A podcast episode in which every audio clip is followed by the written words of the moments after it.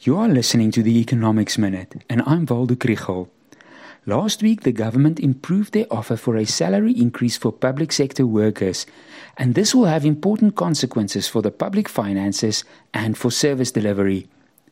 This episode is supported by the Bureau of Economic Research in Stellenbosch and the NWU Business School. Wage negotiations are st- actually still ongoing. The government is currently offering a 7% increase for 2023 24, CPI plus 0.5% in the year thereafter, and just a CPI increase in the third year. Most unions reduced their demands from a 10% to an 8% increase. Thus, there's no agreement yet, but the parties are closer to each other. If you listen carefully to the budget, you'll realize that the government's initial offer of a 4.7% increase and the improved 7% is far above the growth of the salary bill of just 3.3% that the minister proposed. This is a problem for two reasons. The government must somewhere find an extra 7 billion, 12 billion, and 14 billion rand over the three year budget framework.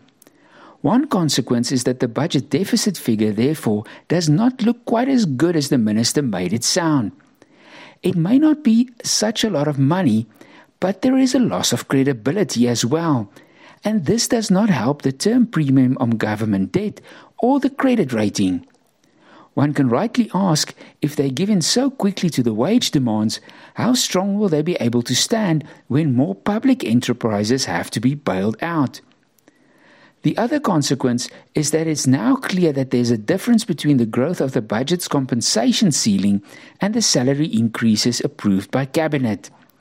When the salary increases require more money than is available from the increase in the compensation ceiling, the money is found by not filling vacant positions and by using money that was intended for supplies, maintenance, and capital projects.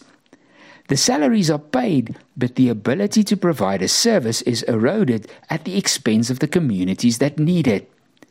If you have to choose between a fiscal crisis and a service delivery crisis, there's a chance that you will get both.